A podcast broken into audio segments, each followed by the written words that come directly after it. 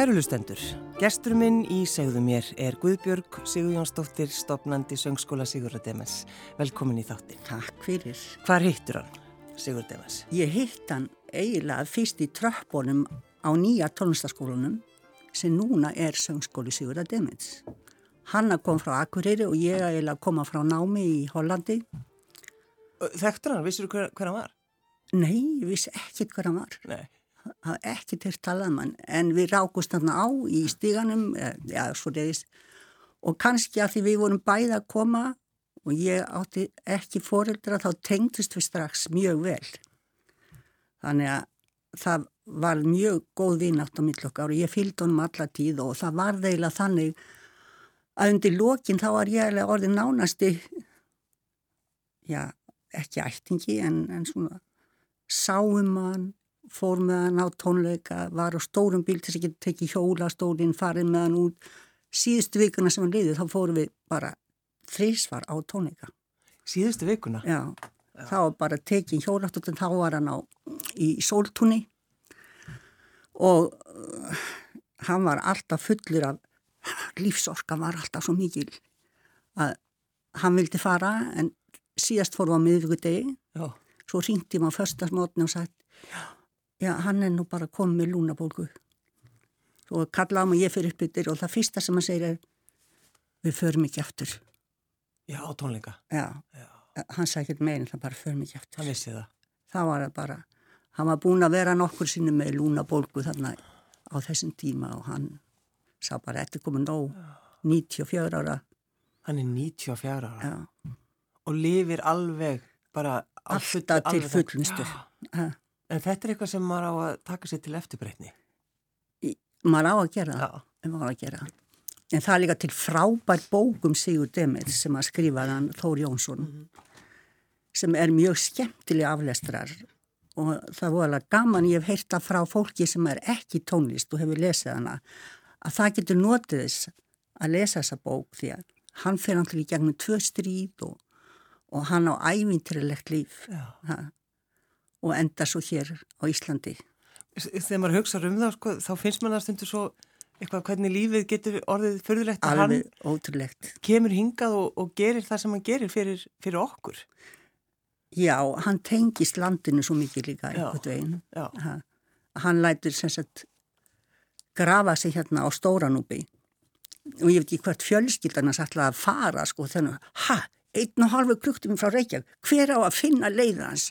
Þetta er ekki hægt. Já, hann vildi ekki, hann vildi láta grafa sér hér á Íslandi. Já, hann er, hann, já, hann er semst já, ég vissi það ekki. Á Stóranúbi, jú, jú, það var, það var, það var líka æmyntirilegt til fóru þangar, fjölskyldan kom og hann var náttúrulega bara í svona, í duftkeri. Já, já, já, já. Og það var náttúrulega allt hans helsta fólk, þarna fylgdónum hann austur og bróðana spar kerið og það var sko, það var svo mikið rók. Það var bjartveðin, það var rók og þau faraðna sískinni, sýstir hans og bróðir með keri niður í gröfuna svo á meðan þau fara þau komum út í kirkini logn, logn og hiti. Og Valdimar Örnum segi hvað, er að fanna stjórnandi upp í líka? Já, það var komin upp og fann ákveða hvernig við ætlum að hafa þetta. Já, svo bara tímundi síðar þá var bara komið rók aftur En hann var bara svo sniður að hann hefði sérst vita hvernig fjölskyttan færi að þessu. að hann var búin að fara til pressins tíu árum áður. Já, 86 ári hætti. Banka upp á og seg, með hérna, já, hvort hann gæti fengið sko að liggja þarna í gardinum. En veistu út af hverju hann vildi vera þarna? Já, hann var náttúrulega búin að vera ferðast mikið og konan hans, hún hún eh, Þórei Þórðardóttir mm -hmm. hún, hún átti einhverja ættir að reykja einhverja ætti ekki þetta nálagt þarna þú veist þú horfir yfir sjón ég hugsa með mig, hann getur bara hort heim til sín. Það var bara yfir aðeins nokkur fjöll en eh, samt. En hann sess að eh, presturinn lísti í þannig kemur einhver eldri maður Já. og spyr hvort hann með einhvern veginn fá líkjan í gardinum og hann fyrir með hann í gardin og hann lappar í einhverja ringi og svo benda hann, já hérna og svo er það undirrita sko. Þannig að þetta sé alveg hreint að hann hafi beðið um þetta að það sé ekki einhverjir á Íslandi sem sé neyðan til þess að fara hana já, já, þetta var náttúrulega kannski gert fyrir ítilsku fjölskyldunans já, þannig að, að já, þannig að, að, að já, þau hefðu farið bara í mál Æ, þannig að þetta var skemmtileg líf með Sigurður Demens og hann er ennþá sagt, í skólanum, salurinn í, í skólanum er algjörlega tilengaður honum með bara myndir af honum Það er svolítið skemmtilegt að skoða þessa myndir. Það er svona, karakterinn já, kemur svolítið í ljós. Já, kemur svolítið í ljós. Já. já. Þetta var alveg ævintrilegt. En þegar við stopnum hennar skóla sem verður bara til upp úr svona einhverju grásrót og einhverju nefndum sem er þá hjá honum í enga tímum og svo var ég semst í samband við Möggu Pálma sem var þá nýbúin að stopna þessa stóru kóra og sko við vorum með eitt herbyggi sem við lítum búa til þarna á ægiskutu sjö fyrir skólan. Já, já semst, söngskóli Sigur, það var bara í einum... Bara, það var bara eitt herbyggi, eitt herbyggi. og, og, og pínlíti svona eitthvað törfustofa og, oh. og svo komu konurnar líka, það er komið þjálfun en það voru nokkri söngkennara sem að sem að komu strax og vildi vera með. Já, já. En þetta var svona grásróta starfsemi í upphafi en við fengum bara strax að fljóta með Já. öllum hinu skólunum sem voru að koma. En er það þannig sko að, að það einhvern veginn elskuðan allir? Allir. En sérðin þennan mann sko, stundaskránas, hún var þannig að hann kendi allan daginn, svo komu kóratnir á kvöldin. Og hvar var hann ekki búin að vera? Hann var búin að vera á Ísafjörð, hann var búin að vera á Siglifjörði, hann kendi sér í Keflaug það var bara landið og miðin sem þekktan Já. og allir elskuðan ég tala um þegar hann fór hann var náttúrulega gæt líka Já.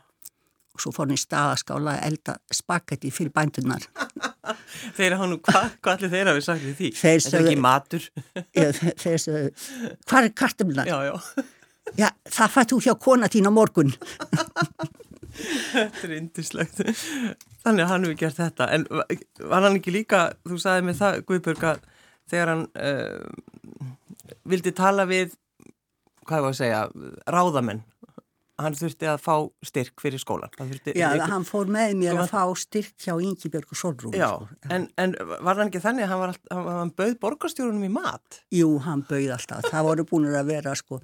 þetta var rosalega þegar Markus Örd var í matjánum í spagetti Já. Svo bara hættan daginn eftir. Þetta var bara, hvað var eiginlega að gerast, Já. hann skildi ekki. Nei, hann vildi bara fá, Markus hefur örgulega bara viljað fá borða hjá hann það, hann fréttaði að það væri góðu matur. getur verið, getur verið. En Ingeberg Solrun, hún hætti nú ekkert þó að þá hún fengi spagetti.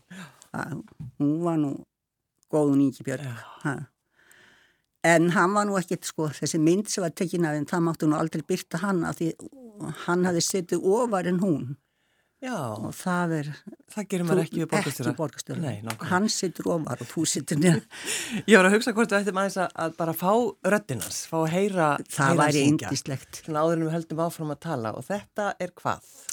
þetta er Arja Söngarans úr Rosenkavalier. Mm. það var nú Kristi Simon sem nú sungi það hérna í bíónu Bjarni Tór með, með henni hérna út í, í köll Já, já, þetta er náttúrulega bara myndislega arja En það var ekki svo, þeir eru náttúrulega bassar en þetta er þess tenor arja þetta er eiginlega söngvarinn sem kemur og syngur þessa einu arju og hún heitir Dirigor Armado Il Seno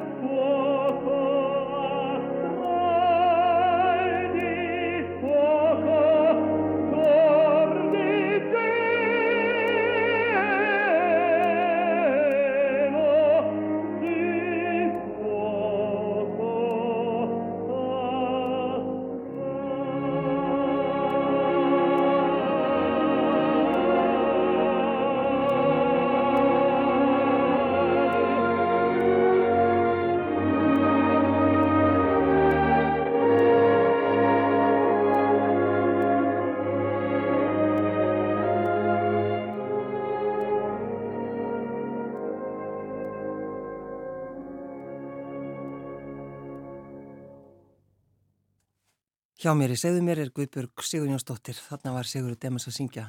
Það er Já. ekki bara svona, það er ekki hjartað. Ég, fæ, ég, ég spila þetta svo oft. Já, Hann let búa til svona diska. Þetta er sem tekið upp með, með eh, fín, víl, fílharmoníu sveitin í, í, í Vín 1950. Sko. Ha. þetta er líka, eh, hvað þessi upptaka, þetta sound, þetta er eitthvað svo, svo mikla tilfinningar í þessu.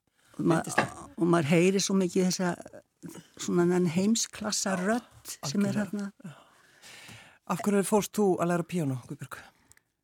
Ég, ég fór að læra á píanu að því ég ákvað það bara því ég var sjóra því sýsti mín var að læra hjá Rökkvaldi Mm. og ég vildi bara, ég vildi þetta. Já, vildi vera, Já, ég vildi læra á píanu og ég spilaði kannski bara svona eftir eirann það sem hún var að spila og hún var nú ekki trifin að því. svona, þú, þannig að þú hefur fattað það að þú varst bara, þú varst góð, varst strax góð. Já, ég hafði eira. Ég, ég, ég fattaði það alveg og ég vildi þetta. En svo bara leistist fjölskyldan upp vegna veikinda. Þannig að ég var alla tíð bara sendt af heimilinu og var í sveitaskóla Áskarði Kjós þar sem að föðubróðminn var skólastjóri Njáll. Þanga til ég fór í Vestlunarskólan. Þannig að, og þegar ég fyrir Vestlunarskóla þá vil, vil ég náttúrulega fyrst fara að læra á píanó. En þá kemur sko ættum sér, þú getur alltaf lært á píanó, þú þarfst að læra eitthvað hérna, þar sem hún færð. Menntaðir, Sko. já. Þannig að ég er eiginlega bara orðin 21 árs þegar ég fer að læra á píanó, en ég var búin að læra nóturnar og var búin að læra aðeins á orgel Já, í skólanum því að Njáll var organisti, bróðina slíka, Davíð var organisti líka, þannig að þau kunnu nú alveg að spila þannig. Sem betur fyrir var ég nú aðeins komin í gang. já, já, já, já, já. Þú, þú nefnir veikindi, hvað var sem- hvað, hvað var, hvað gerðist, Guðbjörg? Í sko uh, fjórum árum eftir ég fæðist, þá fæðist sýsti mín og eftir það að þá verður bara mamma alltaf veik, hún fer bara ekki úr rúminu. Mm.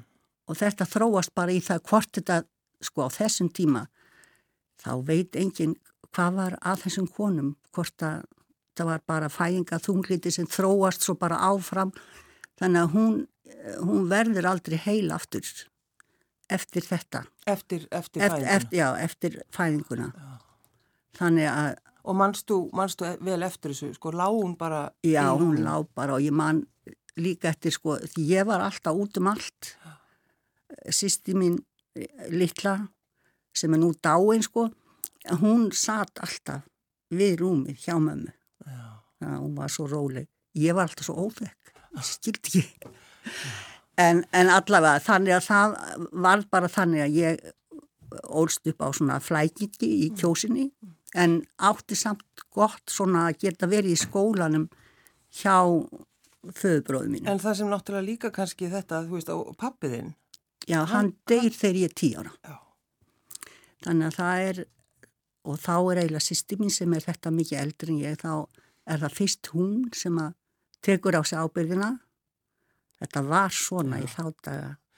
og, og svo líka einmitt eins og, þú veist, mammaðinn veik, engin skilur út á hverju og þá er bara satt, já, hún er Já, skrítin. það, já, já, hún var bara, skrítin. hún var skrítin. Já. Það sögðu sko vinkonu mína hann í hverfinu. Já, já, mamma henn er eitthvað skrítin, eitthvað. Já. En En hugsaði þennan tíma, þú veist, Þetta- þetta er bara, já. það er eiga svo margir svona sögur. alveg, alveg hérna. Þannig að ég sá bara út á hotni var sko ein gerðu Pálma. Veit ekki hvort kannst það hana. Já, mamma hennar var líka svona. Já. Og maður, og, Hún hefur og einmitt maður- farið viðtöl út af því, held ég. Já. Er það ekki? Jú, ég held það. En sko, hvað lifði hún lengi? Hún lifði til 1986. Hvað er hún þá gömul? Hún er fætt 14. Já. Hún er bara, hún er svona um 70. Mm.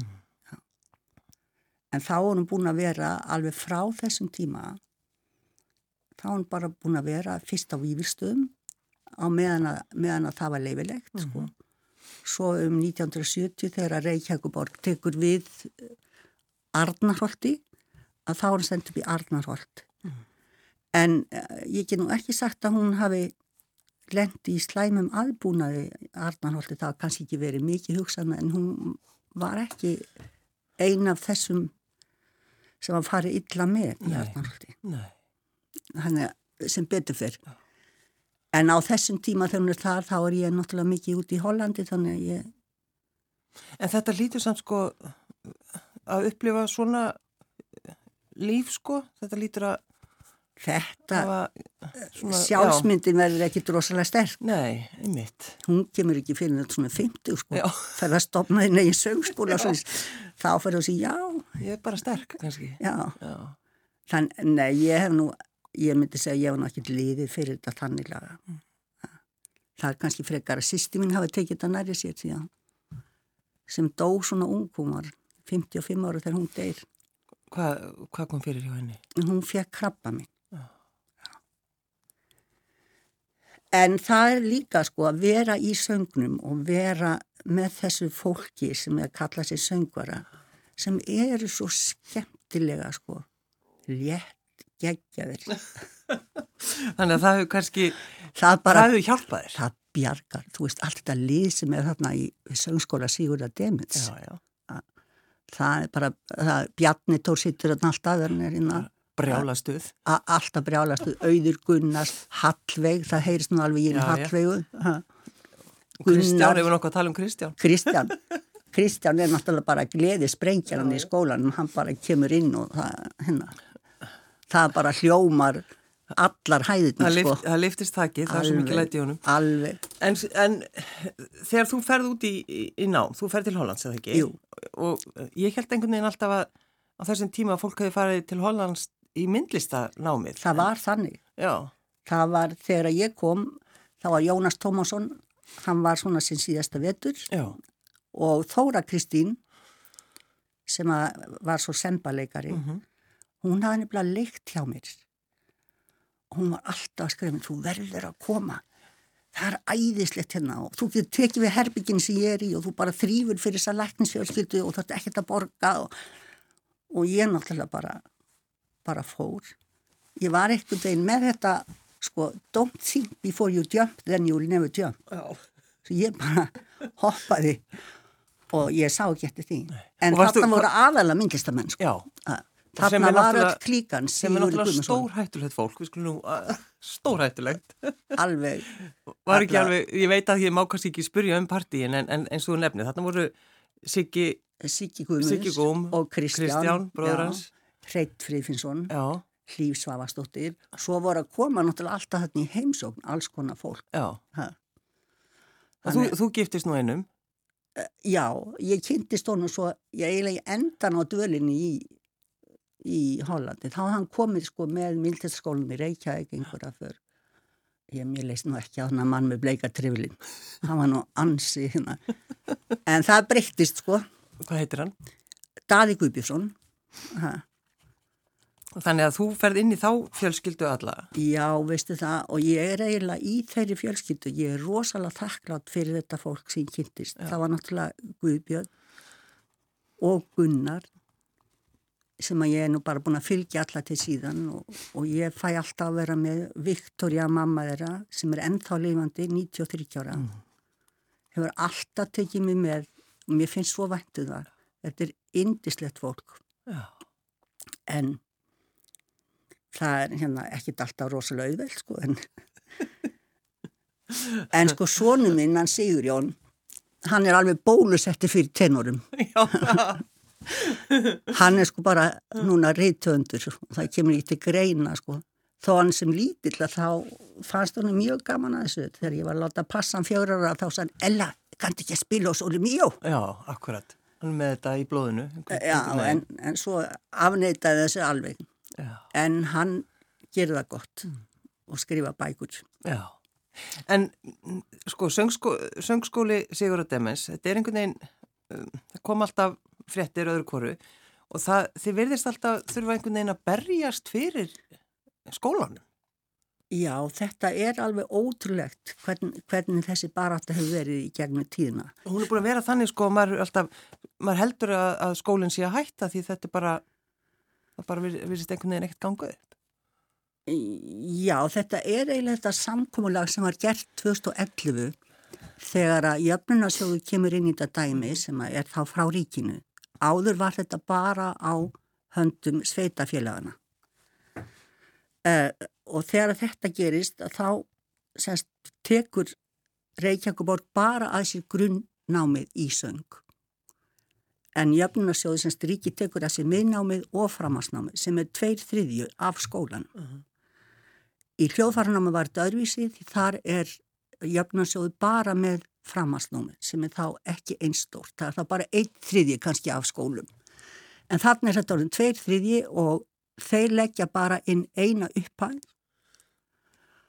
sem að breytist ekki þó að launin hækki um 10%. Já, já.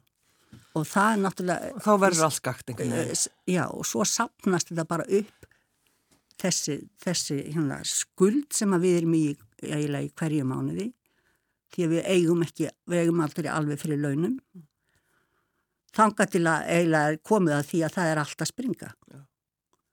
og þetta er náttúrulega hlýtur að vera líka fyrir sögskólinn í Reykjavík þetta, er, mm. þetta er mikið vandamál og það sem er, sem er svo leiðilt að það skulle ekki vera sko tekið á þessu og lagað í eitt skipti fyrir all það er það sem þarf að gerast því það er ekki hérna En ég minna Það vita allir að, að tónlistanám er eitthvað sem er mikilvægt. Mikilvægt, alveg frá badnæsku. Það er alltaf verið að gera rannsóknir um hvað tónlist gerir fyrir heilan í börnum. Mm. Alls konar rannsóknum, það verið að gera hópa, starfræði hóp og hóp sem að, uh, er í tónlist og svo kemur í ljós að þeir sem voru í tónlistinni, þeir eru betri í starfræði heldur en þeir sem voru í starfræðinni. Mm -hmm. Svona dýnur þetta yfir og það vilja allir hafa tónlistin í kringu sig henn er alltaf flagga þegar eitthvað á að gera en samt er þetta svona. Það er alltaf verið að berjast. Og þessi, þessi litli skóli sem var nú stopnaður og það var til söngskóli náttúrulega söngskólin í Reykjavík sem var náttúrulega aðal aðal söngskólin þetta er þetta var bara pínu lítið, það var bara hleyja þessu einhver konan út í bæ eitthvað. en maður getur náttúrulega að hugsa sér sko.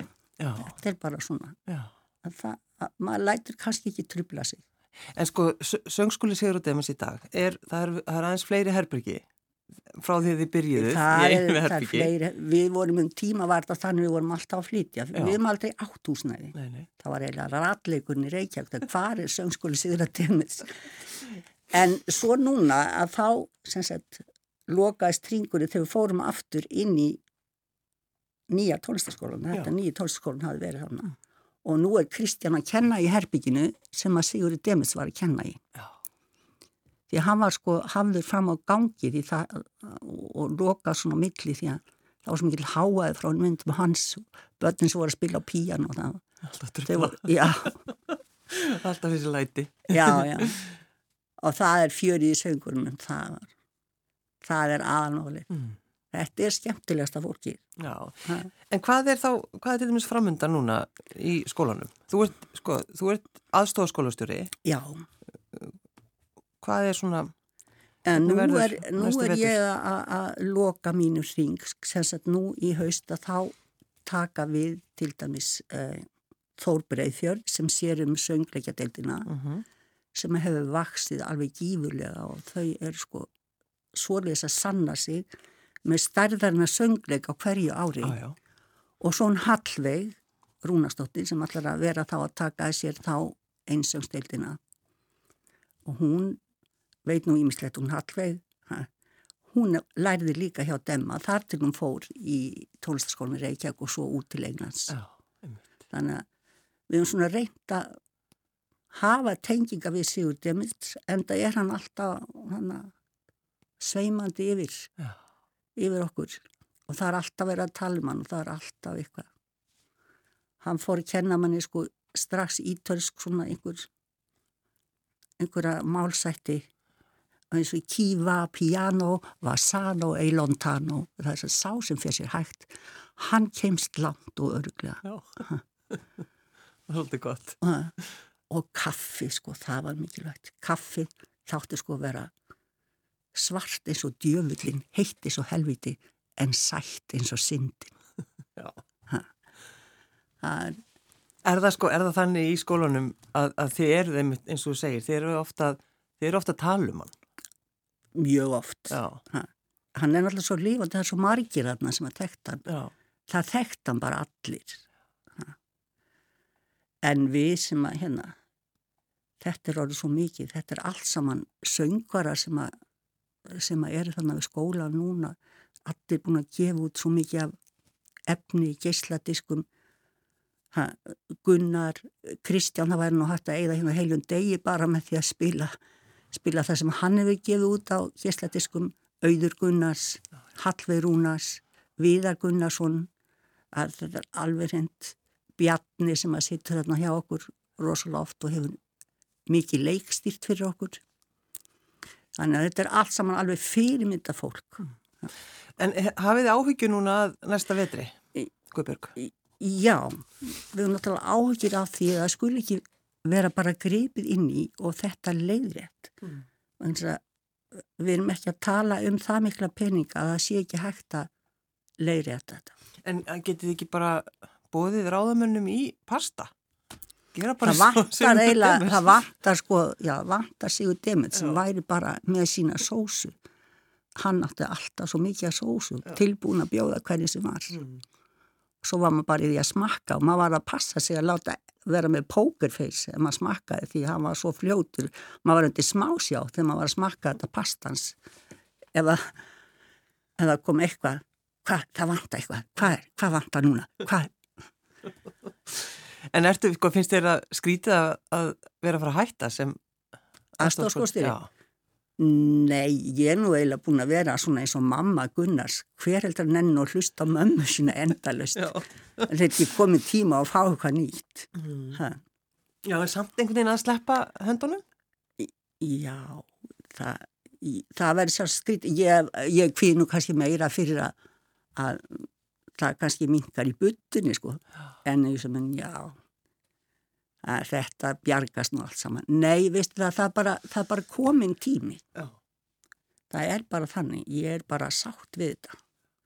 Ég held að verði bara voðalega gott að fara að gera eitthvað annað heldur en að sita þarna lón og dón. En veistu hvað þú ætlar að gera?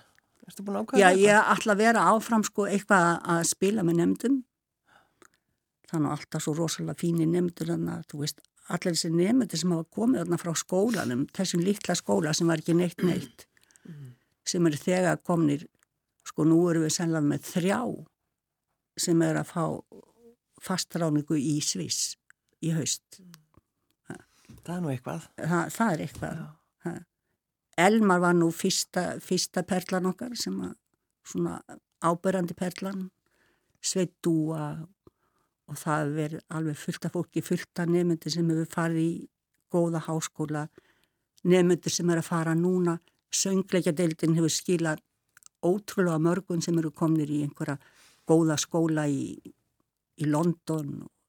Þetta er alveg ótrúlegt Mm. hvað þetta vex og hvað þetta hefur mikil áhrif, breyti lífi fólks. Já. Ég meina, myndur ekki segja það við, með sjálfa þig að þegar þú ákveður að fara í píónunámið að breyti lífiðinu? Jú, það breyti lífi mínu, algjörlega. Mm. Eh, og það breyti eiginlega lífi mínu ennþá meira þegar ég fór að vera innan í söngin. Já. Það er eiginlega, það er svona skemmtilegasti tímin. Já, vi, að vinna með þeim og spila með Já, þeim. já, og vera innan um þetta fólk.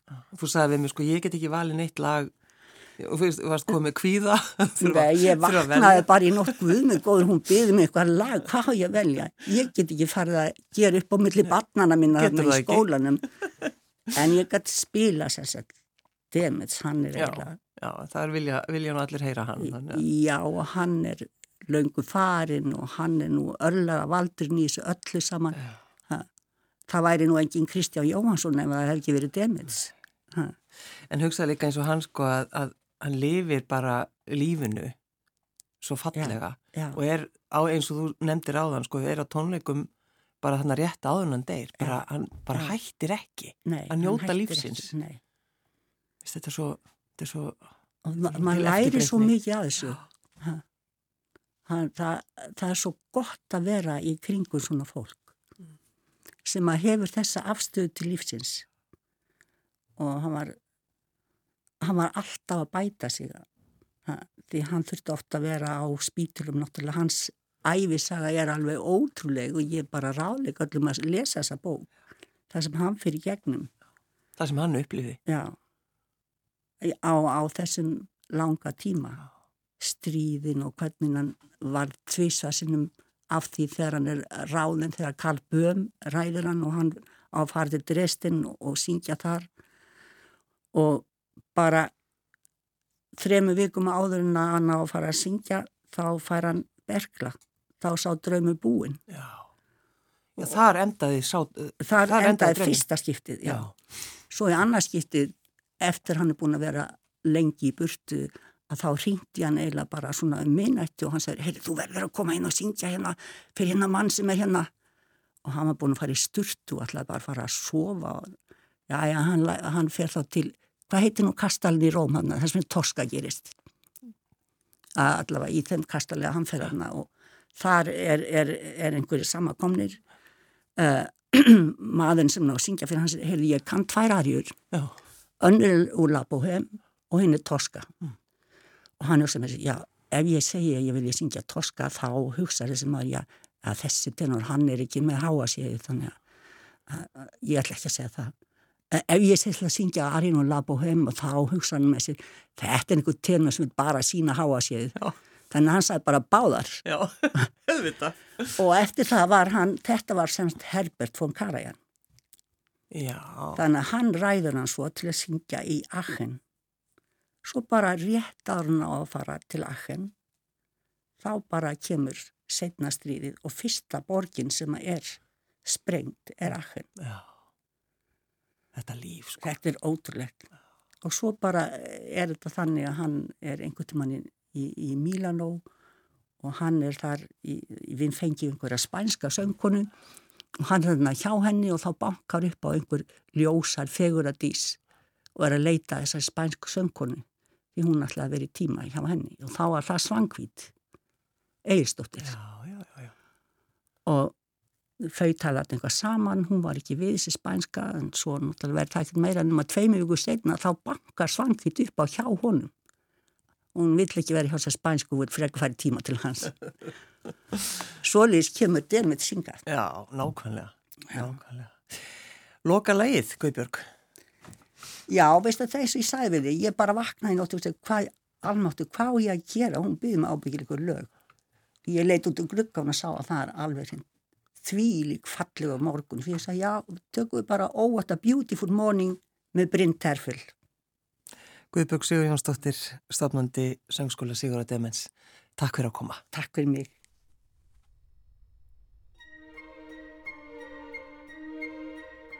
There's a bright golden haze on the meadow. There's a bright golden haze on the meadow. The corn is as high as an elephant's arm. And it looks like it's climbing clear up to the sky. Oh, what a beautiful morning! Oh, what a beautiful day. I got a beautiful feeling.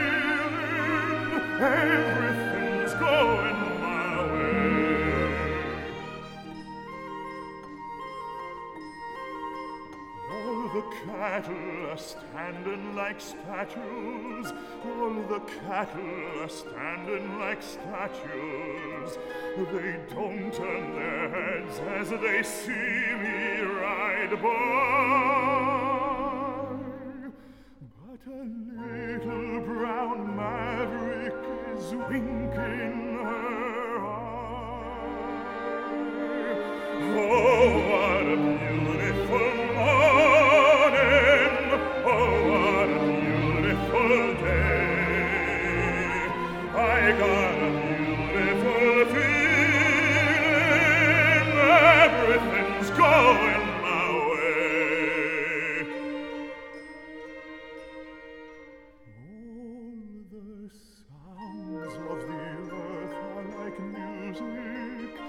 all the songs of the earth are like music. The breeze is so busy, it only settles. And an old weeping willow is laughing.